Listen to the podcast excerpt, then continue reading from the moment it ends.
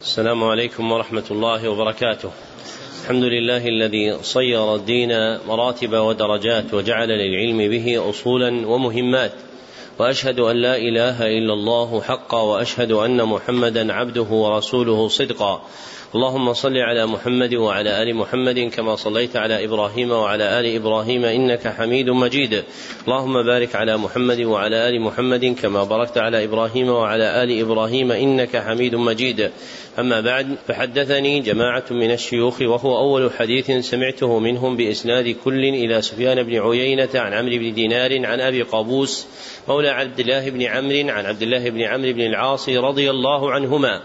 عن رسول الله صلى الله عليه وسلم قال الراحمون يرحمهم الرحمن ارحموا من في الأرض يرحمكم من في السماء ومن آكد الرحمة رحمة المعلمين بالمتعلمين في تلقينهم أحكام الدين وترقيتهم في منازل اليقين ومن طرائق رحمتهم إيقافهم على مهمات العلوم مهمات العلم بإقراء أصول المتون وتبيين مقاصدها الكلية ومعانيها الإجمالية ليجد ليستفتح بذلك المبتدئون تلقيهم ويجد فيه المتوسطون ما يذكرهم ويطلع منه المنتهون إلى تحقيق مسائل العلم. وهذا المجلس الثاني في شرح الكتاب الخامس من برنامج مهمات العلم في سنته الثالثة ثلاث وثلاثين بعد الأربعمائة والألف وهو كتاب اعتقاد أهل السنة والجماعة المعروف بالعقيدة الواسطية. لأحمد لشيخ الإسلام أحمد بن عبد الحليم ابن تيمية النميري المتوفى سنة ثمان وعشرين وسبعمائة. وقد فرغ القارئ من قراءة الأحاديث التي أوردها المصنف رحمه الله تعالى في باب الأسماء والصفات. وذكرنا أن عدة هذه الأحاديث ستة عشر حديثا وهذه الأحاديث المذكورة في هذه العقيدة تتضمن جملة من الأسماء والصفات الإلهية فمن الأسماء الإلهية الواردة فيها اسم الرب لقول النبي صلى الله عليه وسلم ينزل ربنا وقوله عجب ربنا وقوله إلا سيكلمه ربه ومنها اسم الله. قال النبي صلى الله عليه وسلم الله أشد فرحا وقال أيضا يضحك الله وقال أيضا أن تعلم أن الله معك. وقال أيضا اللهم رب السماوات السبع. فمعنى اللهم يا الله بلا خلاف نقله ابن القيم في جلاء الأفهام. فيكون قوله اللهم دالا على إثبات اسم الله. ومنها رب العزة. قال النبي صلى الله عليه وسلم حتى يضع رب العزة أي صاحب العزة وهي صفة الله. ومنها رب الطيبين. قال النبي صلى الله عليه وسلم أنت رب الطيبين. والحديث الذي ورد فيه ذكر هذا الاسم حديث ضعيف ولا يحفظ هذا الاسم في دليل ثابت. ومنها رب السماوات السبع ورب العرش العظيم ورب كل شيء. ومنها فالق الحب والنوى ومنها منزل التوراة ومنزل الإنجيل ومنزل الفرقان وكلها في حديث واحد اللهم رب السماوات السبع ورب العرش العظيم ربنا ورب كل شيء إلى آخره. وهي جميعا من الأسماء الإلهية المضافة كما تقدم بيان قاعدتها. ومنها اسم الأول والآخر والظاهر والباطن وكلها في حديث واحد أنت الأول فليس قبلك شيء وأنت الآخر فليس بعدك شيء وأنت الظاهر فليس فوقك شيء وأنت الباطن فليس دونك شيء. ومنها السميع القريب. قال النبي صلى الله عليه وسلم أيها الناس اربعوا على أنفسكم. وقال في آخره إنما تدعون سميعا قريبا. ومعنى اربعوا على أنفسكم أي ارفقوا بها ولا تجهدوا أنفسكم. وهو بهمزة وصل مكسورة. ثم راء مهملة ساكنة فباء موحدة مفتوحة. ومن الصفات الإلهية الواردة في الأحاديث المذكورة الألوهية والربوبية والعزة والفلق وهو الشق والإنزال والأولية والآخرية والظهور والبطون والسمع والقرب. وهذه الصفات مستفادة على التوالي من الأسماء الإلهية التي تقدمت الله والرب ورب العزة وفالق الحب والنوى إلى آخر ما تقدم وفق القاعدة سالفة الذكر أن أسماء الله سبحانه وتعالى تدل على صفاته. ومن الأسماء ومن الصفات الإلهية الواردة في الأحاديث المذكورة أيضا صفة النزول. قال صلى الله عليه وسلم ينزل ربنا. ومنها صفة الفرح. قال صلى الله عليه وسلم لله أشد فرحا. ومنها صفة العجب والضحك والعلم. وكلها في قوله صلى الله عليه وسلم عجب ربنا من قنوط عباده وقرب غيره. ينظر إليكم أزلين قانطين فيظل يضحك يعلم أن فرجكم قريب. وتقدم أن هذا الحديث فيه ضعف وما فيه من الصفات الإلهية ثابتة بأدلة تقدمت عند المصنف سوى صفة العجب ويدل عليها قوله تعالى بل عجبت ويسخرون على قراءة الضم لحمزة والكساء وخلف العاشر ففيها إثبات صفة العجب لله سبحانه وتعالى. ومنها صفة القدم لقوله صلى الله عليه وسلم حتى يضع رب العزة فيها قدمه وفي رواية عليها قدمه. ومنها صفات القول والنداء والصوت. قال تعالى يقول الله عز وجل ثم قال فينادي بصوت الحديث. ومنها صفة الكلام. قال صلى الله عليه وسلم ما منكم إلا سيكلمه ربه. ومنها صفة العلو. قال صلى الله عليه وسلم ألا تأمنوني وأنا أمين من في السماء؟ وقال والله فوق العرش ومنها صفة المعية. قال صلى الله عليه وسلم أن تعلم أن الله معك حيثما كنت. وقال صلى الله عليه وسلم إذا قام أحدكم إلى الصلاة فإن الله قبل وجهه. ومنها صفة التجلي. قال صلى الله عليه وسلم إنكم سترون ربكم كما ترون القمر ليلة البدر ورؤية الخلق الله تكون بتجليه لهم سبحانه وتعالى. ومنها نفي الصمم ونفي الغياب. قال صلى الله عليه وسلم فإنكم لا تدعون أصم ولا غائبا. إلى أمثال هذه الأحاديث التي يؤمن بها أهل السنة والجماعة من غير تحريف ولا تعطيل ولا تمثيل ولا تكييف. وهم بهذا وسط بين فرق الأمة كما أن الأمة وسط بين الأمم كافة. نعم. أحسن الله إليكم قال رحمه الله.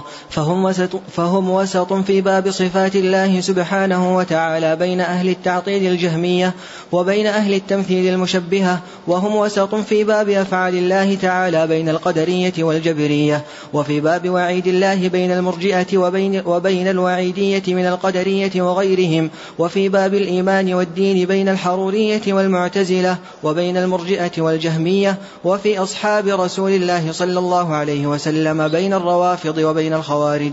لما قرر المصنف رحمه الله أن أهل السنة والجماعة وسط بين فرق الأمة أوضح هذا الأمر بذكر خمسة أصول كاشفة عن حقيقة وسطيتهم.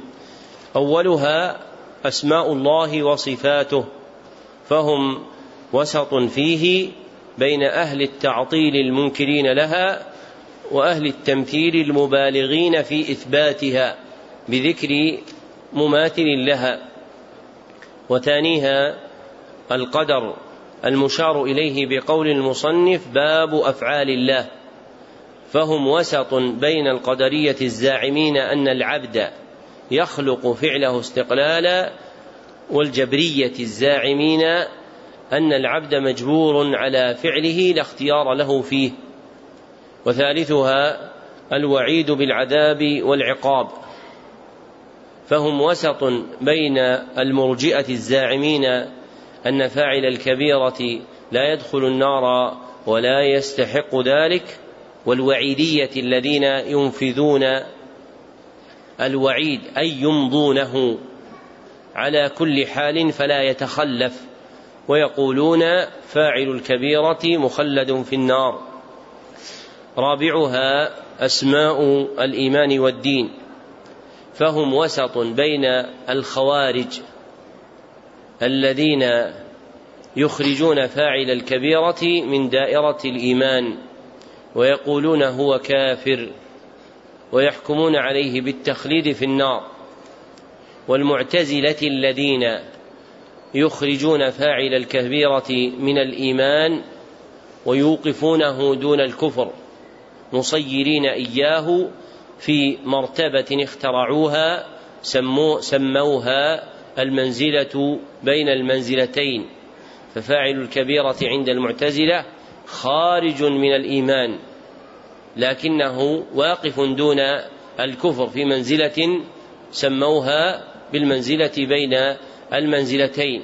وهم يوافقون الخوارج في الحكم عليه بالتخليد في نار جهنم وبين المرجئة والجهمية الذين يجعلون فاعل الكبيرة مؤمنا كامل الإيمان فأهل السنة والجماعة يقولون إن فاعل الكبيرة مسلم مستحق للوعيد وهو تحت مشيئة الله عز وجل إن شاء عفى عنه وإن شاء عذبه ثم جعل مصيره إلى الجنة. وخامسها أصحاب رسول الله صلى الله عليه وسلم فهم وسط بين الرافضة الذين بالغوا في حب بعض أصحاب النبي صلى الله عليه وسلم من آله وغلوا فيهم وبين الخوارج الناصبية الذين بالغوا في بغض بعض أصحاب النبي صلى الله عليه وسلم وسبهم بل كفروا من كفروا منهم. نعم. أحسن الله إليكم قال رحمه الله. وقد دخل فيما ذكرناه من الإيمان بالله الإيمان بما أخبر الله به في كتابه وتواتر عن رسول الله صلى الله عليه وسلم. وأجمع عليه سلف الأمة من أنه سبحانه وتعالى فوق سماواته على عرشه علي على خلقه وهو سبحانه معهم أينما كانوا يعلم ما هم عاملون. كما جمع بين ذلك في قوله هو الذي خلق السماوات والأرض في ستة أيام ثم استوى على العرش. يعلم ما يلج في الأرض وما يخرج منها وما ينزل من السماء وما يعرج فيها وهو معكم أينما كنتم. والله بما تعملون بصير. وليس معنى قوله وهو معكم أنه مختلط بالخلق. فإن هذا لا توجبه اللغة وهو خلاف ما أجمع عليه سلف الأمة وخلاف ما فطر الله عليه الخلق. بل القمر آية من آيات الله من أصغر مخلوقاته وهو موضوع في السماء وهو مع المسافر أينما كان وهو سبحانه فوق العرش رقيب على خلقه مهيمن عليهم مطلع إليهم إلى غير ذلك من معاني ربوبيته. وكل هذا الكلام الذي ذكره الله من أنه فوق العرش وأنه معنا حق على حقيقته. لا يحتاج إلى تحريف ولكن يصان عن الظنون الكاذبة. وقد دخل في ذلك الإيمان بأنه الإيمان بأنه قريب من خلقه كما قال سبحانه وتعالى وإذا سألك عبادي عني فإني قريب أجيب دعوة الداعي إذا دعان فليستجيبوا لي وليؤمنوا بي لعلهم يرشدون. وقال النبي صلى الله عليه وسلم إن الذي تدعونه أقرب إلى أحدكم من عنق راحلته. وما ذكر في الكتاب والسنة من قربه ومعيته لا ينافي ما ذكر من علوه وفوقيته فإنه سبحانه ليس كمثله شيء في جميع نعوته وهو علي في دنوه قريب في علوه. من الإيمان بالله الإيمان بعلوه ومعيته فهو سبحانه فوق عرشه علي على خلقه وهو معهم أينما كانوا. وهما من جملة الصفات الإلهية لكن المصنف أفردهما عن نظائرهما لما علق بهما من معارضات أهل الابتداع ومناقضات أهل الأهواء من نفاة العلو أو من الزاعمين أن الله سبحانه وتعالى مختلط بخلقه غير بائن منهم من أهل الحلول والاتحاد. فلجلالة ما اعترى هذه الصفة من مقالات المتكلمين من أهل الأهواء. أعاد المصنف رحمه الله تعالى القول فيها. ولا يراد بالمعية أن الله سبحانه وتعالى مختلط بالخلق فهذا شيء لا توجبه اللغة التي خوطبنا بها في القرآن والسنة كما أنه خلاف ما كان عليه سلف الأمة رحمهم الله وما فطر الله عز وجل عليه الخلق كافة. وكون الله سبحانه وتعالى معنا وأنه فوق عرشه حق على حقيقته لا يحتاج إلى تحريف ولكن يصان على الظنون يصان عن الظنون الكاذبة كما ذكر المصنف رحمه الله تعالى. ووقع في بعض نسخ الكتاب المتأخرة ذكر شيء من هذه الظنون الكاذبة مثل أن يظن أن ظاهر قوله في السماء أن السماء تقله أو تضله وهذا باطل بإجماع أهل السنة والإيمان فإن الله سبحانه وتعالى قد وسع السماوات وسع كرسيه السماوات والأرض. وهذه الزيادة المفسرة التي وقعت في بعض نسخ الكتاب المتأخرة هي أشبه شيء بكلام المصنف وكأنها أخذت من كتاب آخر له وألحقت في هذا الموضع وليست هي ثابتة في النسخ في النسخة المقروءة عليه. ولا يوجد هذا الكلام في شيء من كتبه المطبوعة التي بأيدينا لكن كلامه هو لكن الكلام المثبت فيها هو حذو كلامه الذي ذكر معناه في مواضع مختلفة من كتبه. ودخل في ذلك إثبات أنه سبحانه وتعالى قريب من خلقه وقربه ومعيته لا تنافي علوه سبحانه وتعالى بل هو كما قال المصنف علي في دنوه قريب في علوه. والقرب الذي هو صفة من صفات الله عز وجل مختص بالمؤمنين في أصح قولي أهل العلم. فلا يقال إن القرب الإلهي نوعان أحدهما قرب عام وهو قربه بعلمه من جميع خلقه وقرب خاص وهو قربه بالتأييد والنصر من المؤمنين. بل الآيات التي وردت في إثبات صفة القرب إنما تتعلق بالمؤمنين في تأييدهم ونصرهم. وما توهم من الآيات أنها تدل على القرب العام فلا يراد بها قرب الله سبحانه وتعالى. كقوله تعالى ونحن أقرب إليه من حبل الوريد. فالمراد قرب, قرب الملائكة في تفاسير السلف رحمهم الله تعالى. فالقرب صفة إلهية مختصة بعباد الله المؤمنين. نعم. أحسن الله إليكم قال رحمه الله. ومن الإيمان به وبكتبه الإيمان بأن القرآن كلام الله سبحانه وتعالى منزل غير مخلوق منه بدأ وإليه يعود. وأن الله تكلم به حقيقة وأن هذا القرآن الذي أنزله على نبيه محمد صلى الله عليه وسلم هو كلام الله حقيقة لا كلام غيره. ولا يجوز إطلاق القول بأنه حكاية عن كلام الله أو عبارة عنه بل إذا قرأه الناس أو كتبوه في المصاحف لم يخرج بذلك عن أن يكون كلام الله سبحانه وتعالى حقيقة. فإن الكلام إنما يضاف حقيقة إلى من تكلم به مبتدئا لا إلى من قاله مبلغا مؤديا.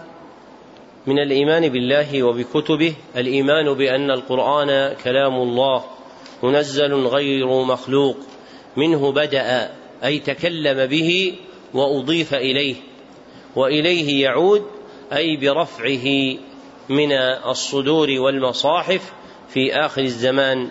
ثبتت بذلك الأحاديث النبوية وانعقد عليه الإجماع. وهو كلام الله حقيقة لا كلام غيره.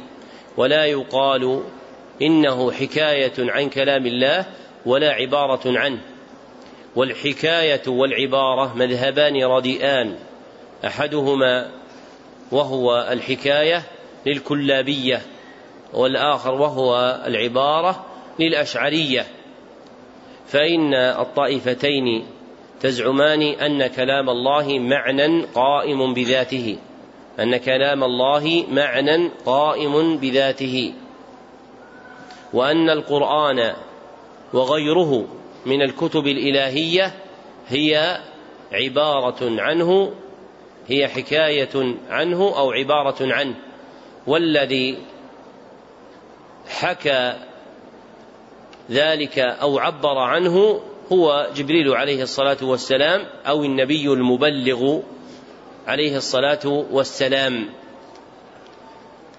وكان مذهب الأشعرية نظير مذهب الكلابية في المعنى إلا أنهم فارقوهم في اللفظ لأنهم قالوا إن لفظ الحكاية يقتضي المماثلة فكأنه إذا قيل إن القرآن حكاية عن كلام الله أي مثيل له فعدلوا عن لفظ الحكاية إلى لفظ العبارة.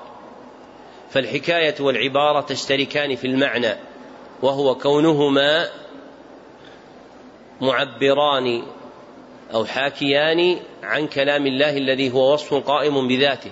ويفترقان في اللفظ الذي دل به على المراد فاختارت الكلابية لفظ الحكاية واختارت الأشعرية لفظ العبارة. وعلى المذهبين فالكتب المنزلة ومنها القرآن معناها من الله دون الحروف.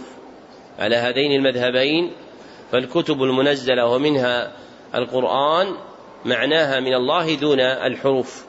وأهل السنة والجماعة يقولون إن القرآن حروفه ومعانيه كلها من الله عز وجل. نعم. أحسن الله إليكم. قال رحمه الله وقد دخل أيضا فيما ذكرناه من الإيمان بكتبه ورسله. الإيمان بأن المؤمنين بأن المؤمنين يرونه يوم القيامة عيانا بأبصارهم كما يرون الشمس صحوا ليس دونها سحاب وكما يرون القمر ليلة البدر لا يضامون في رؤيته يرونه سبحانه وهم في عرصات القيامة ثم يرونه بعد دخول الجنة كما يشاء الله سبحانه وتعالى.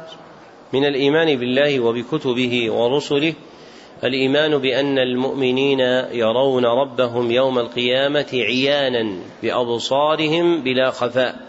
وقد ثبتت هذه اللفظة عيانا مرفوعة في صحيح البخاري. يرونه سبحانه وتعالى في عرصات القيامة أي متسعاتها ثم يرونه سبحانه وتعالى في الجنة. والفرق بين الرؤيتين من وجهين. أحدهما أن الرؤية التي تكون في عرصات يوم القيامة رؤية امتحان وتعريف. أن الرؤية التي تكون في عرصات يوم القيامة رؤية امتحان وتعريف. والرؤية التي تكون في الجنة رؤية إنعام وتشريف. والرؤية التي تكون في الجنة رؤية إنعام وتشريف. والآخر أن الرؤية التي تكون في عرصات يوم القيامة مشتركة بين المؤمنين والكافرين والمنافقين. أن الرؤية التي تكون في عرصات يوم القيامة مشتركة بين المؤمنين والكافرين والمنافقين. أما الرؤية التي تكون في الجنة فتختص بالمؤمنين. لأن الأولى رؤية امتحان فيقع الامتحان للخلق جميعا. وأما الرؤية الثانية فرؤية إنعام والإنعام مختص بالمؤمنين. على هذا دلت دلائل الوحيين من القرآن والسنة. فالكفار يرون ربهم في الآخرة في أصح أقوال أهل السنة والجماعة فهم مختلفون فيها على ثلاثة أقوال. أصحها أنهم يرونه ولا يرونه. كيف؟ كيف يرونه ولا يرونه؟ ها. يرونه بما لا يسره. يعني يرونهم في الامتحان يرونه امتحانا ولا يرونه إنعاما. يعني يرونه امتحانا ولا يرونه إنعاما. نعم. أحسن الله إليكم. قال رحمه الله ومن الإيمان باليوم الآخر الإيمان بكل ما أخبر به النبي صلى الله عليه وسلم مما يكون بعد الموت فيؤمنون بفتنة القبر وبعذاب القبر ونعيمه. فأما, فأما الفتنة فإن الناس يفتنون في قبورهم فيقال, فيقال للرجل من ربك وما دينك ومن نبيك فيثبت الله الذين آمنوا بالقول الثابت فيقول المؤمن الله ربي والإسلام ديني ومحمد نبيي وأما المرتاب فيقول ها ها لا أدري. فيقول آه آه لا أدري. سمعت الناس يقولون شيئا فقلته. فيضرب بمرزبة من حديد. فيضرب. فيضرب بمرزبة من حديد. نعم. فيضرب بمرزبة من حديد. عندك مشددة ولا مخففة؟ عندي مشددة. مشددة؟ نعم لا مخففة أجل. مخففة ليست مشددة. بمرزبة من حديد. نعم. أحسن الله إليكم. فيضرب بمرزبة من حديد فيصيح صيحة يسمعها كل شيء إلا الإنسان ولو سمعها الإنسان لصعق. ثم بعد هذه الفتنة إما نعيم وإما عذاب إلى يوم القيامة الكبرى. فتعاد الأرواح إلى الأجساد وتقوم القيامة التي أخبر الله بها في كتابه وعلى لسان رسوله صلى الله عليه وسلم. وأجمع عليها المسلمون. فيقوم الناس من قبورهم لرب العالمين حفاة عراة غرلا وتدنو منهم الشمس ويلجمهم العرق وتنصب الموازين فتوزن فيها أعمال العباد فمن ثقلت موازينه فأولئك هم المفلحون ومن خفت موازينه فأولئك الذين خسروا أنفسهم في جهنم خالدون. وتنشر الدواوين وهي صحائف الأعمال فآخذ كتابه بيمينه وآخذ كتابه بشماله أو من وراء ظهره كما قال تعالى وكل إنسان ألزمناه طائره في عنقه ونخرج له يوم القيامة كتابا يلقاه منشورا.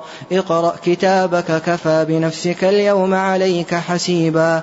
ويحاسب الله الخلائق ويخلو بعبده المؤمن فيقرره بذنوبه كما وصف ذلك في الكتاب والسنة. وأما الكفار فلا يحاسبون محاسبة من توزن حسناته وسيئاته فإنه لا حسنات لهم.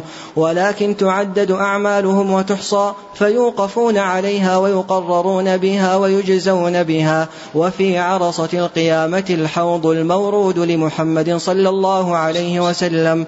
ماؤه أشد بياضا من اللبن وأحلى من العسل طوله شهر وعرضه شهر. آنيته عدد نجوم السماء. فمن شرب منه شربة لم يظمأ بعدها أبدا. والصراط منصوب على متن جهنم وهو الجسر الذي بين الجنة والنار. يمر الناس عليه على قدر أعمالهم فمنهم من يمر عليه كلمح البصر ومنهم من يمر كالبرق ومنهم من يمر كالريح ومنهم من يمر كالفرس الجواد ومنهم من يمر كركاب الإبل ومنهم من يعدو عدوا ومنهم من يمشي مشيا ومنهم من يزحف زحفا ومنهم من يخطف فيلقى في جهنم. فإن الجسر عليه كلاليب تخطف الناس بأعمالهم. فمن مر على الصراط دخل الجنة فإذا عبروا عليه وقفوا على قنطرة بين الجنة والنار. فيقتص لبعضهم من بعض فإذا هذبوا ونقوا أذن لهم في دخول الجنة. وأول من يستفتح باب الجنة محمد صلى الله عليه وسلم. وأول من يدخل الجنة من الأمم أمته صلى الله عليه وسلم وله في القيامة ثلاث شفاعات. أما الشفاعة الأولى فيشفع لأهل الموقف حتى يقضى بينهم. بعد أن يتراجع الأنبياء آدم ونوح وإبراهيم وموسى وعيسى بن مريم عليهم من الله السلام. الشفاعة حتى تنتهي إليه. وأما الشفاعة الثانية فيشفع في أهل الجنة أن يدخلوا الجنة وهاتان الشفاعتان خاصتان له. وأما الشفاعة الثالثة فيشفع في من استحق النار وهذه الشفاعة له ولسائر النبيين والصديقين وغيرهم. فيشفع في من استحق النار ألا يدخلها ويشفع في من دخلها أن يخرج منها. ويخرج الله تعالى من النار أقواما بغير, بغير شفاعة.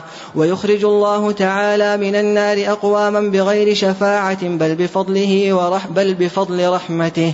ويبقى في الجنة فضل عمن دخل من أهل الدنيا.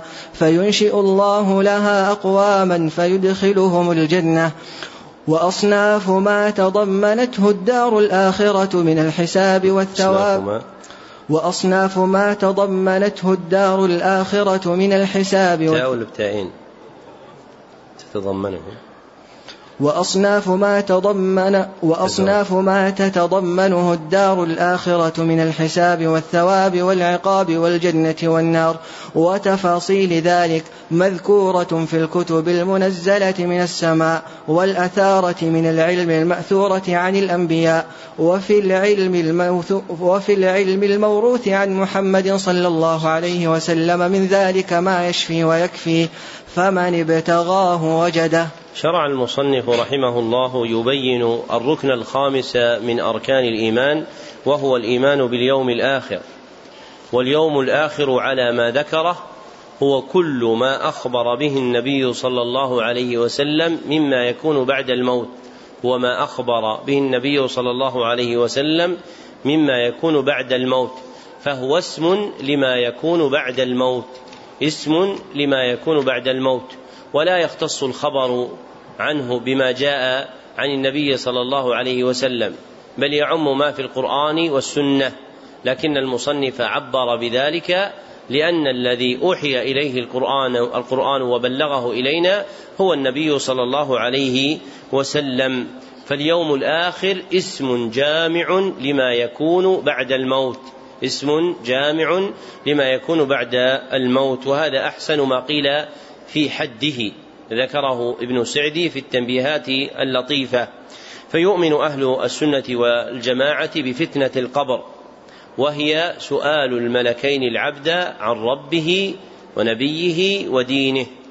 فيثبت الله الذين آمنوا بالقول الثابت وأما المرتاب فيقول آه آه لا أدري سمعت الناس يقولون شيئا فقلته.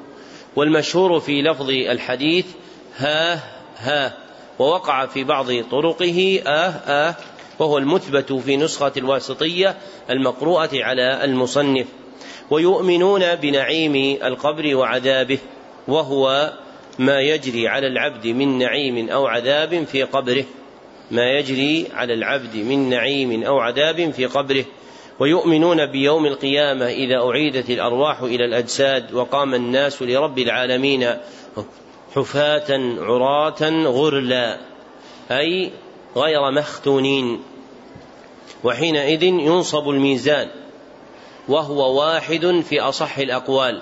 وإنما وقع جمعه في القرآن باعتبار تعدد ما يوزن فيه فلما كان الموزون متعددا ذكر الميزان بالجمع وإلا فهو واحد في أصح الأقوال وتوزن فيه الأعمال وصحائفها والعاملون فالوزن يقع على ثلاثة في أصح أقوال أهل العلم العبد العامل وعمله والصحيفة التي كتب فيها عمله. وتنشر الدواوين وهي صحائف الأعمال. فيأخذ المؤمن كتابه بيمينه ويأخذ الكافر كتابه بشماله من وراء ظهره. ويحاسب الله الخلائق. والحساب في الشرع عد أعمال العبد يوم القيامة. عد أعمال العبد يوم القيامة. وله درجتان. إحداهما الحساب اليسير. إحداهما الحساب اليسير. وفيها تعرض أعمال العبد عليه ويقرر بها. وفيها تعرض أعمال العبد عليه ويقرر بها. والثانية الحساب العسير. وفيها يناقش العبد وتستقصى عليه أعماله. والكفار لا يحاسبون محاسبة من توزن حسناته وسيئاته لأنهم لا حسنات لهم فقد جوزوا بها في الدنيا وإنما يحاسبون بتقريرهم على أعمالهم وتبكيتهم عليها. وفي عرصات يوم القيامة وهي متسعاتها الحوض المورود لرسولنا صلى الله عليه وسلم. ولكل نبي حوض ولكن حوض نبينا صلى الله عليه وسلم هو أعظمها وصفا وأكملها حالا. ويؤمن أهل السنة والجماعة بالصراط وهو جسر منصوب على متن جهنم أي ظهرها يوصل إلى الجنة. وهذا معنى قول المصنف وهو الجسر الذي بين الجنة والنار. فجعله بينهما مع كونه منصوبا على متن جهنم لأنه يوصل إلى الجنة. يمر عليه المؤمنون فقط في أصح أقوال أهل السنة. فالأحاديث ظاهرة أن المرور على الصراط مختص بالمؤمنين وأصرحها حديث أبي سعيد مرفوعا في الصحيحين واللفظ لمسلم فيمر عليه المؤمنون. ولم يذكر مرور الكافرين والمنافقين لأن الكافرين والمنافقين يشاركون المؤمنين في رؤية الله عز وجل إذا تجلى لهم امتحانا وتعريفا. فإذا تجلى لهم سبحانه وتعالى أمر من كان يعبد غير الله أن يتبع معبوده. فينصرف الكفار تابعين ما كانوا يعبدون فيسقطون مع معبوداتهم في نار جهنم ويبقى المنافقون مع المؤمنين فتلقى عليهم الظلمة فيأمرهم قبل الظلمة فيأمرهم الله سبحانه وتعالى أن يسجدوا له فيسجد المؤمنون وأما المنافقون فتبقى ظهورهم طبقا لا يستطيعون أن يسجدوا فعند ذلك تلقى عليهم الظلمة ويجعل الله للمؤمنين أنوارا على قدر أعمالهم يستدلون بها على الصراط وأما المنافقين فلا نور لهم. فيجهلون معرفة طريق الصراط فيسقطون في نار جهنم ولا يصلون إلى الصراط. ويختص المؤمنون بالوصول إلى الصراط فيمرون عليه على قدر أعمالهم. منهم من يمر كلمح البصر ومنهم من يمر كالبرق ومنهم من يمر كالريح ومنهم من يمر كالفرس الجواد ومنهم من يمر كركاب الإبل يعني الإبل المحملة التي تقل الناس وأمتعتهم. فمن مر على الصراط دخل الجنة ولم يسبق دخوله عذاب في النار. ومن المؤمنين من إذا أخذ في مرورها على الصراط تخاطفته كلاليب جهنم فسقط فيها والكلاليب جمع كلاب وكلوب وهو حديدة معقوفة كالشوكة آخرها لها رأسان أو ثلاثة وهي معروفة في الجزيرة إلى يومنا هذا يستعملونها في رفع اللحم في الطبخ وغيره. فيرفع الناس من الصراط بأخذهم بكلاليب جهنم. أعاذنا الله وإياكم من ذلك. ثم يوقف الذين عبروا الصراط على قنطرة بين الجنة والنار ويقتص لبعضهم من بعض. فإذا هذبوا, هذبوا ونقوا وإذن لهم في دخول الجنة. وأول من يستفتح باب الجنة هو محمد صلى الله عليه وسلم وهو أول شافع وأول مشفع صلى الله عليه وسلم. والشفاعة التي يذكرها المتكلمون في باب الاعتقاد معناها شرعا سؤال الشافع سؤال الشافع الله للمشفوع له حصول خير حصول نفع. سؤال الشافع الله عز وجل للمشفوع له حصول نفع. وللنبي صلى الله عليه وسلم في القيامة ثلاث شفاعات. الشفاعة الأولى شفاعته صلى الله عليه وسلم في أهل الموقف أن يقضى بينهم وهي الشفاعة العظمى. والثانية شفاعته صلى الله عليه وسلم لأهل الجنة أن يدخلوها وهذه شفاعة خاصة به صلى الله عليه وسلم. والشفاعة الثالثة شفاعة شفاعته صلى الله عليه وسلم في من استحق النار. وهذه الشفاعة لا تختص به بل يشفع أيضا النبيون والصديقون وغيرهم من الشفعاء وهي تتناول عند المصنف من استحق النار ألا يدخلها ومن دخل النار أن يخرج منها فهي تشمل عنده كم صنف؟ صنفين تشمل صنفين صنف دخل النار أن يخرج منها وصنف استحق النار لم يدخلها ألا يدخلها. والصحيح اختصاصها بمن دخل النار أن يخرج منها. وليس في الأحاديث الصحيحة ما يدل على أنها تستحق لمن لم يدخل النار ألا يدخلها كما اختاره تلميذه ابن القيم مخالفا قول شيخه. فالصحيح أن شفاعته الثالثة صلى الله عليه وسلم تكون في من استحق النار بدخولها أن يخرج منها. لأن الشفاعة لا تكون إلا بعد دخول أهل النار النار. ففي صحيح مسلم من حديث جابر لما ذكر دخول أهل النار الذين هم أهلها من الكفار ثم دخول أهل الجنة الجنة وذكر مرور من يمر من المؤمنين على الصراط ثم أخذ الكلاليب لهم قال ثم تحل الشفاعة. فابتداء الشفاعة لا يكون إلا بعد دخول من يدخل من الموحدين النار. واضح المسألة هذه؟ الشفاعة لا تكون إلا بعد دخول الموحدين النار. فليس هناك شفاعة تكون قبل دخول أحد يستحق النار أن يدخلها.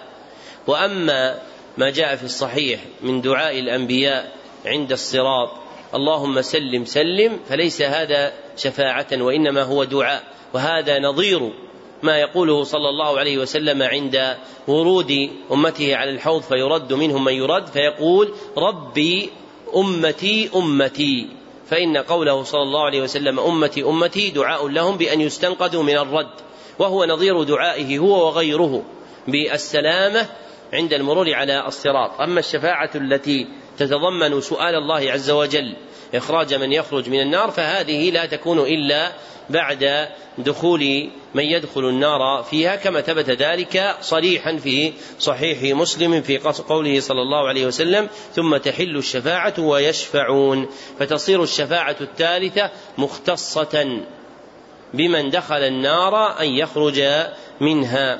ويخرج الله من النار أقواما بغير شفاعة أحد من خلقه بل بفضله صلى الله عليه وسلم ورحمته. ويبقى في الجنة فضل يعني زيادة. فينشئ الله عز وجل لها أقواما يدخلهم الجنة وأحوال الدار الآخرة متعددة متنوعة. لكن هذه مهماتها وتفاصيلها موجودة في الكتاب والسنة من التمسها وجدها. والعظة بخبر الكتاب والسنة في أحوال الجنة والنار أعظم من العظة بكلام غيرهما. نعم. أحسن الله إليكم. قال رحمه الله وتؤمن الفرقة الناجية أهل السنة والجماعة بالقدر خيره وشره والإيمان بالقدر على درجتين كل درجة تتضمن شيئين فالدرجة الأولى الإيمان بأن الله تعالى علم ما الخلق عاملون بعلمه القديم الذي هو موصوف به أزلا وأبدا وعلم جميع أحوالهم من الطاعات والمعاصي والأرزاق والآجال ثم كتب الله تعالى في اللوح المحفوظ مقادير الخلائق فأول ما خلق الله القلم قال له اكتب قال ما أكتب قال اكتب ما هو كائن إلى يوم القيامة فما أصاب الإنسان لم يكن ليخطئه وما أخطأه لم يكن ليصيبه جفت الأقلام وطويت الصحف كما قال سبحانه وتعالى ألم تعلم أن الله يعلم ما في السماء والأرض؟ إن ذلك في كتاب إن ذلك على الله يسير. وقال ما أصاب من مصيبة في الأرض ولا في أنفسكم إلا في كتاب من قبل أن نبرأها. إن ذلك على الله يسير. وهذا التقدير التابع لعلمه سبحانه وتعالى يكون في مواضع جملة وتفصيلا. فقد كتب في اللوح المحفوظ ما شاء. فإذا خلق جسد الجنين قبل نفخ الروح فيه بعث إليه ملكا فيؤمر بأربع كلمات بكتب رزقه وأجله وعمله وشقي أو سعيد ونحو ذلك. فهذا القدر قد كان فهذا القدر قد كان ينكره غلاة القدرية قديما ومنكره اليوم قليل. وأما الدرجة الثانية فهي مشيئة الله النافذة وقدرته الشاملة وهو الإيمان وهو الإيمان بأن ما شاء الله كان وما لم يشأ لم يكن وأنه في السماوات ولا في الأرض. وأنه ما في السماوات ولا في الأرض من حركة ولا سكون إلا بمشيئة الله سبحانه وتعالى. لا يكون في ملكه ما لا يريد وأنه سبحانه وتعالى على كل شيء قدير من الموجودات والمعدومات. فما من مخلوق في السماوات ولا في الأرض إلا الله خالقه سبحانه لا خالق غيره ولا رب سواه.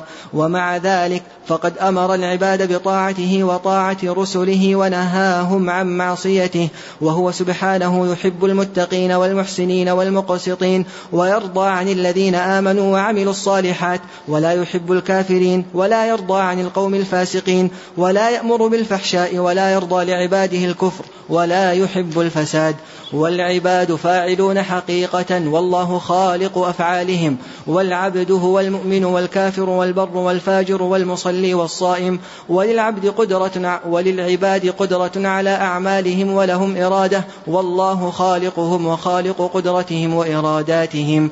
كما قال لمن شاء منكم أن يستقيم وما تشاءون إلا أن يشاء الله رب العالمين. وهذه الدرجة من القدر يكذب بها عامة القدرية الذين سماهم النبي صلى الله عليه وسلم مجوس هذه الأمة. ويغلو فيها قوم من ويغلو فيها قوم من, من أهل الإثبات حتى سلبوا العبد قدرته واختياره ويخرجون عن أفعال الله وأحكامه حكمها ومصالحها. ومصالحها. ويخرجون عن أفعال الله وأحكامه حكمها ومصالحها. ذكر المصنف رحمه الله تعالى في هذه الجملة الركن السادس من أركان الإيمان وهو الإيمان بالقدر وأنه يأتي على درجتين الأولى الدرجة السابقة وقوع المقدر. الدرجة السابقة وقوع المقدر وتتضمن علم الله المقادير وكتابته لها. والثانية الدرجة المصاحبة وقوع المقدر. الدرجة المصاحبة وقوع المقدر وتتضمن مشيئة الله للمقادير وخلقه لها. فمراتب القدر أربع هي العلم والكتابة والمشيئة والخلق وهي منتظمة في الدرجتين اللتين ذكرتا.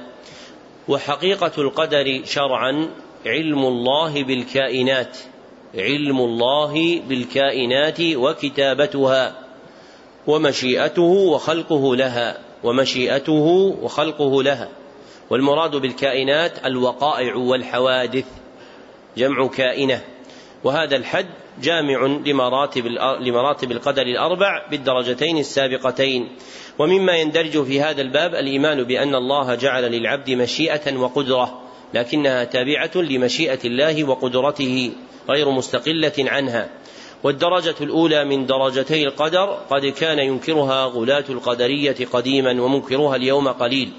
أما الدرجة الثامنة الثانية فينكرها عامة القدرية الذين يزعمون أن العبد يخلق فعله فيقدره ويشاؤه ولا يعلمه الله إلا بعد وقوعه تعالى الله عما يقولون علوا كبيرا. ويغلو فيها قوم من المثبتة للقدر وهم الجبرية فيسلبون العبد قدرته ومشيئته ويجعلونه مجبورا على أفعاله فيخلون بذلك. أحكام الله سبحانه وتعالى وأفعاله من حكمها ومصالحها لأن العبد حينئذ لا اختيار له في شيء جعله الله عز وجل لحكمة ظاهرة فهو مجبور فيما يزعمون. نعم. أحسن الله إليكم. قال رحمه الله ومن أصول الفرقة الناجية أن الدين والإيمان قول وعمل قول القلب واللسان وعمل القلب واللسان والجوارح وأن الإيمان يزيد بالطاعة وينقص بالمعصية وهم مع ذلك لا يكفرون أهل القبلة بمطلق المعاصي والكبائر كما يفعله الخوارج بل أخوة الإيمانية ثابتة مع المعاصي. كما قال سبحانه في آية القصاص فمن عفي له من أخيه شيء فاتباع بالمعروف وقال وإن طائفتان من المؤمنين اقتتلوا فأصلحوا بينهما فإن بغت إحداهما على الأخرى فقاتلوا التي تبغي حتى تفيء إلى أمر الله فإن فاءت فأصلحوا بينهما بالعدل وأقسطوا إن الله يحب المقسطين إنما المؤمنون إخوة. ولا يسلبون الفاسق الملي اسم الإيمان بالكلية ولا يخلدونه في النار كما تقول المعتزلة بل الفاسق يدخل في اسم الإيمان. في مثل قوله تعالى فتحرير رقبة مؤمنة وقد لا يدخل في اسم الإيمان المطلق كما في قوله تعالى إنما المؤمنون الذين إذا ذكر الله وجلت قلوبهم وقول النبي صلى الله عليه وسلم لا يزني الزاني حين يزني وهو مؤمن ولا يسرق السارق حين يسرق وهو مؤمن ولا يشرب الخمر حين يشربها وهو مؤمن ولا ينتهب نهبة ذات شرف يرفع الناس إليه فيها أبصارهم حين ينتهبها وهو مؤمن ويقولون هو مؤمن ناقص الإيمان أو مؤمن بإيمانه فاسق بكبيرته فلا يعطى المطلق ولا يسلب مطلق الاسم. الإيمان في الشرع له معنيان. أحدهما عام وهو الدين الذي بعث به النبي صلى الله عليه وسلم. وحقيقته شرعا التصديق الجازم بالله تعبدا له بالشرع المنزل على محمد صلى الله عليه وسلم. التصديق الجازم بالله تعبدا له بالشرع المنزل على محمد صلى الله عليه وسلم على مقام المشاهدة أو المراقبة. والآخر خاص وهو الاعتقادات الباطنة. وهذا المعنى هو المقصود إذا قرن الإيمان بالإسلام والإحسان. والإيمان بمعناه العام منقسم على القلب واللسان والجوارح. ولذلك وإلى ذلك يشير أهل السنة بقولهم الإيمان قول وعمل فالقول قول القلب واللسان والعمل عمل القلب واللسان والجوارح فقول القلب اعتقاده وتصديقه ومعرفته فقول القلب إقراره وتصديقه ومعرفته وعمل القلب حركاته فيما يريده الله من محبوباته. حركاته فيما يريده الله من محبوباته كالتوكل والمحبة. وقول اللسان نطقه بالشهادتين. وقول اللسان نطقه بالشهادتين. وعمل اللسان ما لا يؤدى إلا به كقراءة القرآن والتسبيح والتهليل. وعمل الجوارح الفعل والترك الواقع بها. والإيمان يزيد وينقص وزيادته تكون بالطاعة ونقصه يكون بالمعصية. ومن فعل كبيرة فهو فاسق ليس بمؤمن كامل الإيمان ولا بكافر بل هو مؤمن ناقص الإيمان أو مؤمن فاسق بكبيرته. فلا يعطى الاسم المطلق فيقال مؤمن ولا يسلب مطلق الاسم فيقال كافر بل يكون مؤمنا بما عنده من الإيمان فاسقا بما أصاب من كبيرته ومع لحوق الكبيرة به فالأخوة الإيمانية ثابتة له لأنه لم يخرج من اسم الإيمان بخلاف الخوارج والمعتزلة الذين يخرجونه من اسم الإيمان ويختلفون في الدنيا. فتكفره الخوارج وتجعله المعتزلة في منزلة بين المنزلتين ثم تتفق الطائفتان على إنزاله في الآخرة التخليد في نار جهنم. نعم. أحسن الله إليكم قال رحمه الله. ومن أصول أهل السنة والجماعة سلامة قلوبهم وألسنتهم لأصحاب رسول الله صلى الله عليه وسلم كما وصفهم الله به في قوله والذين جاءوا من بعدهم يقولون ربنا اغفر لنا ولإخواننا الذين سبقونا بالإيمان ولا تجعل في قلوبنا غلا للذين آمنوا ربنا إنك رؤوف رحيم وطاعة النبي صلى الله عليه وسلم في قوله لا تسبوا أصحابي فوالذي نفسي بيده لو أن أحدكم أنفق مثل أحد ذهب ما بلغ مد أحدهم ولا نصيفه. ويقبلون ما جاء به الكتاب والسنة والإجماع من فضائلهم ومراتبهم. فيفضلون من أنفق من قبل الفتح وهو صلح الحديبية على وقاتل على من أنفق من بعده وقاتل. ويقدمون المهاجرين على الأنصار ويؤمنون بأن الله قال لأهل بدر وكانوا ثلاثمائة وبضعة عشر اعملوا ما شئتم فقد غفرت لكم. وبأنه لا يدخل النار أحد بايع تحت الشجرة كما أخبر به النبي صلى الله عليه وسلم بل قد رضي عنهم ورضوا عنه وكانوا أكثر من ألف وأربعمائة. ويشهدون بالجنة لمن شهد له رسول الله صلى الله عليه وسلم كالعشرة وكثابت بن قيس بن شماس وغيرهم من الصحابة ويقرون بما, ويقرون بما تواتر به النقل عن أمير المؤمنين علي بن أبي طالب رضي الله عنه وغيره من أن خير هذه الأمة بعد نبيها أبو بكر ثم عمر. ويثلثون بعثمان ويربعون بعلي كما دلت عليه الآثار وأجمعت, وأجمعت الصحابة على تقديم عثمان في البيعة مع أن بعض كما دلت عليه الآثار نعم. كما دلت عليه الآثار وكما أجمعت الصحابة على تقديم عثمان في البيعة مع أن بعض أهل السنة كانوا قد اختلفوا في عثمان وعلي بعد اتفاقهم على تقديم أبي بكر وعمر أيهما أفضل فقدم قوم عثمان وسكتوا أو ربعوا بعلي وقدم قوم علي وقوم توقفوا لكن استقر أمر أهل السنة على تقديم عثمان ثم علي وإن كانت هذه المسألة مسألة عثمان وعلي ليست من الأصول التي يضلل المخالف فيها عند جمهور أهل السنة لكن المسألة التي يضلل المخالف فيها مسألة الخلافة. وكذلك يؤمنون بأن الخليفة بعد رسول الله صلى الله عليه وسلم أبو بكر ثم عمر ثم عثمان ثم علي رضي الله عنهم أجمعين. ومن طعن في خلافة أحد من هؤلاء الأئمة فهو أضل من حمار أهله ويحبون أهل بيت رسول الله صلى الله عليه وسلم ويتولونهم ويحفظون فيهم وصية رسول الله صلى الله عليه وسلم حيث قال يوم غدير خم أذكركم الله في أهل بيتي أذكركم الله في أهل بيتي. وقد قال أيضا للعباس عمه وقد شكا إليه أن بعض قريش يجفو بني هاشم فقال والذي نفسي بيده لا يؤمنون حتى يحبوكم لله ولقرابتي وقال إن الله اصطفى إسماعيل واصطفى من بني إسماعيل كنانة واصطفى من كنانة قريشا واصطفى من قريش بني هاشم واصطفاني من بني هاشم ثم يتولون أزواج النبي صلى الله عليه وسلم ويتولون. ويتولون أزواج النبي صلى الله عليه وسلم. أمهات المؤمنين ويؤمنون بأنهن أزواجه في الآخرة خصوصا خديجة أم أكثر أولاده. وأول من آمن به وعاضده على أمره وكان لها منه المنزلة العالية والصديقة بنت الصديق التي قال فيها النبي صلى الله عليه وسلم فضل عائشة على النساء كفضل الثريد على سائر الطعام ويتبرؤون من طريقة الروافض الذين يبغضون الصحابة ويسبونهم وطريقة النواصب الذين يؤذون آله وطريقة النواصب الذين يؤذون أهل البيت بقول أو عمل.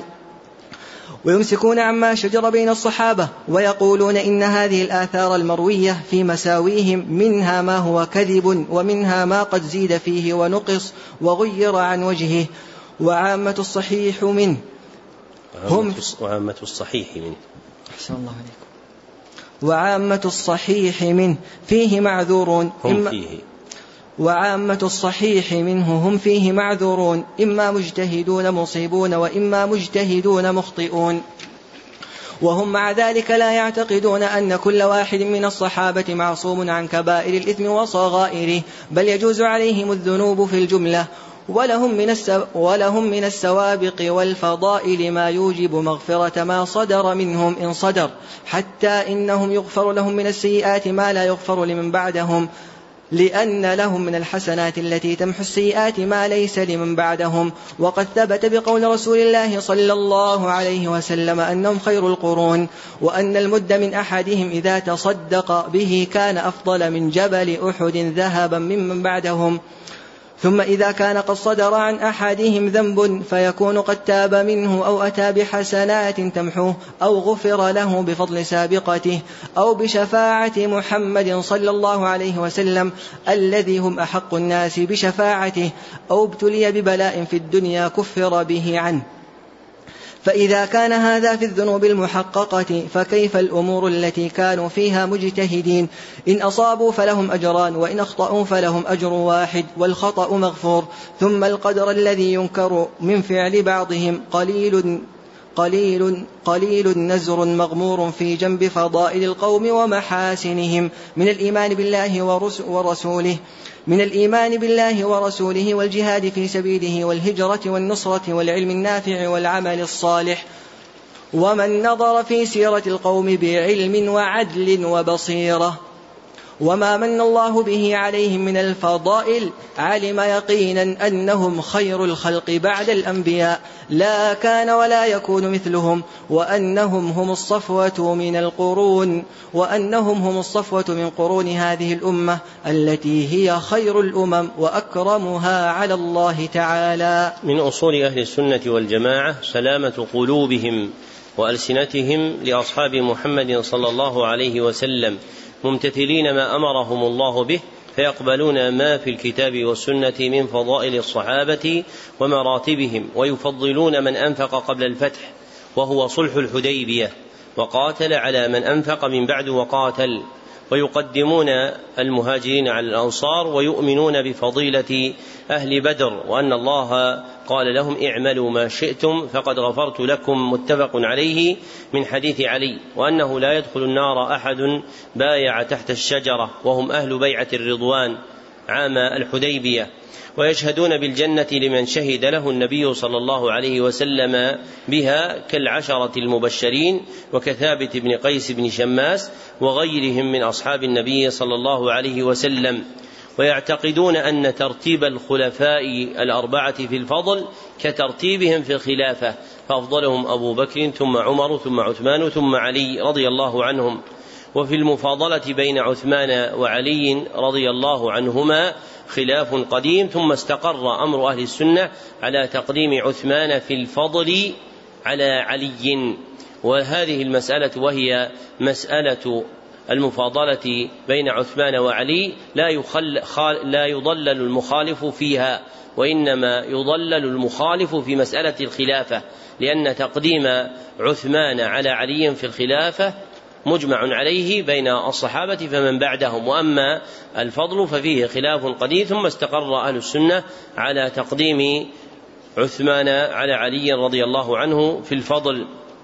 ويحبون أهل بيت رسول الله صلى الله عليه وسلم ويتولونهم.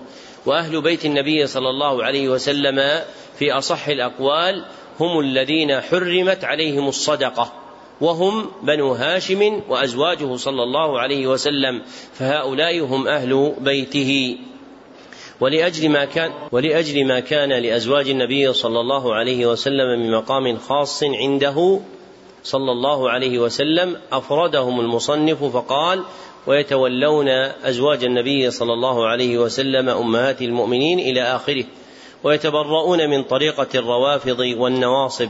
وما شجر بين الصحابة من الاختلاف وما جرى في زمانهم فإنهم يمسكون عنه ولا يسعون في بثه وإشاعته. ويقولون إن الآثار المروية في مساوئ الصحابة رضي الله عنهم ثلاثة أقسام. القسم الأول ما هو كذب في نفسه فلا يثبت البتة. والثاني ما زيد فيه وغير عن وجهه.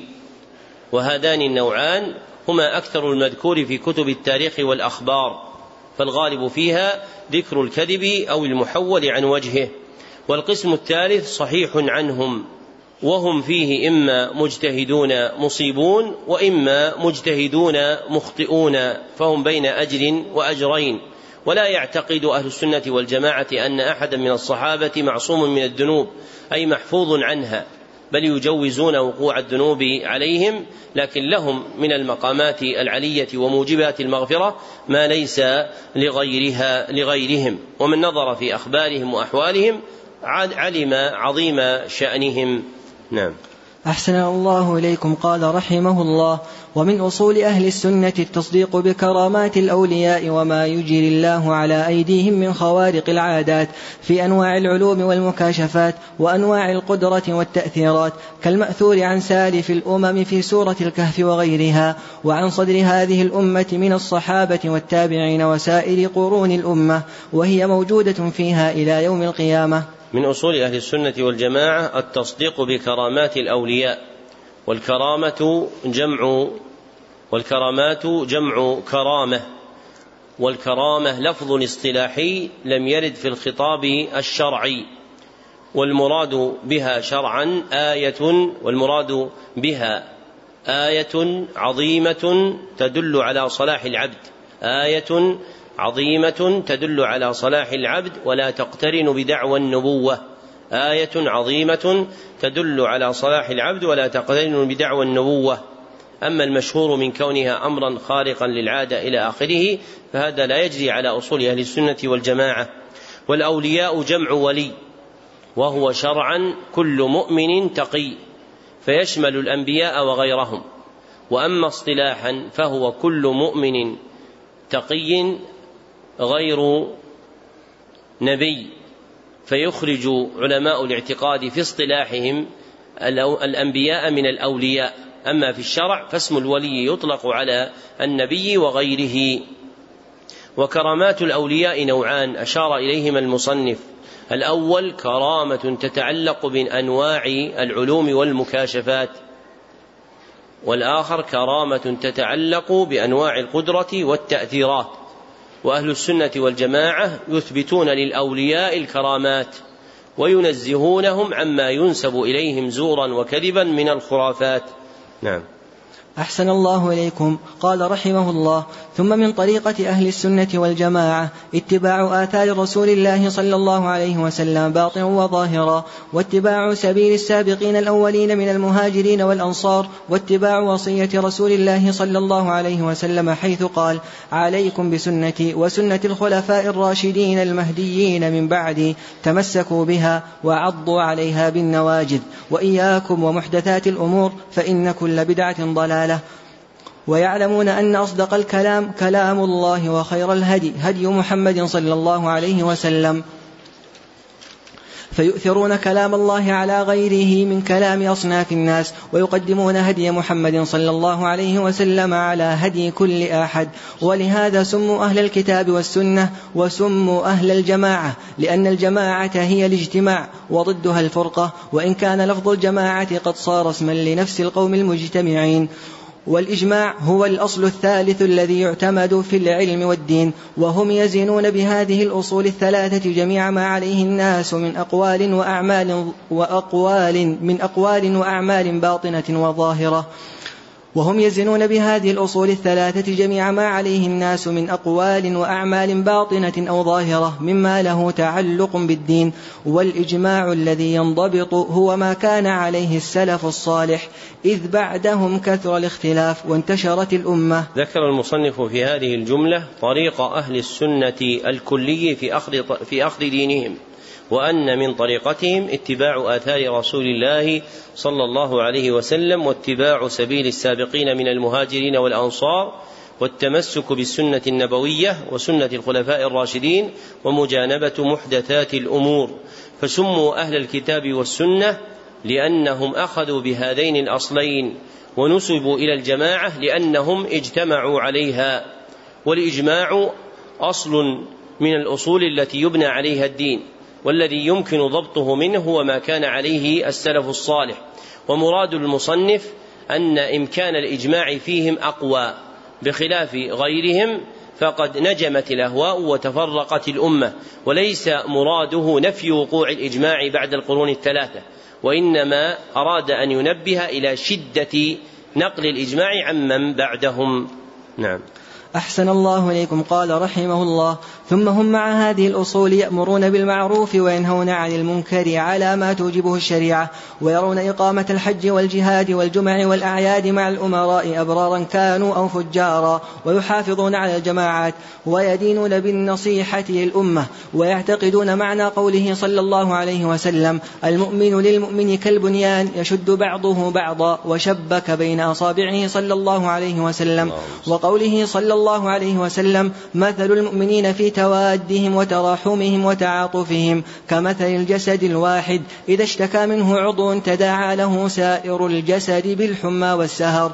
ويأمرون بالصبر عند البلاء والشكر عند الرخاء والرضا بمر القضاء ويدعون إلى مكارم الأخلاق ومحاسن الأعمال ويعتقدون معنى قوله صلى الله عليه وسلم أكمل المؤمنين إيمانا أحسنهم خلقا ويندبون إلى أن تصل من قطعك وتعطي من حرمك وتعفو عن من ظلمك ويأمرون ببر الوالدين وصلة الأرحام وحسن الجوار والإحسان إلى اليتامى والمساكين وابن السبيل والرفق بالمملوك وينهون عن الفخر والخيلاء والبغي والاستطالة على الخلق بحق أو بغير حق ويأمرون بمعالي الأخلاق وينهون عن سفسافها.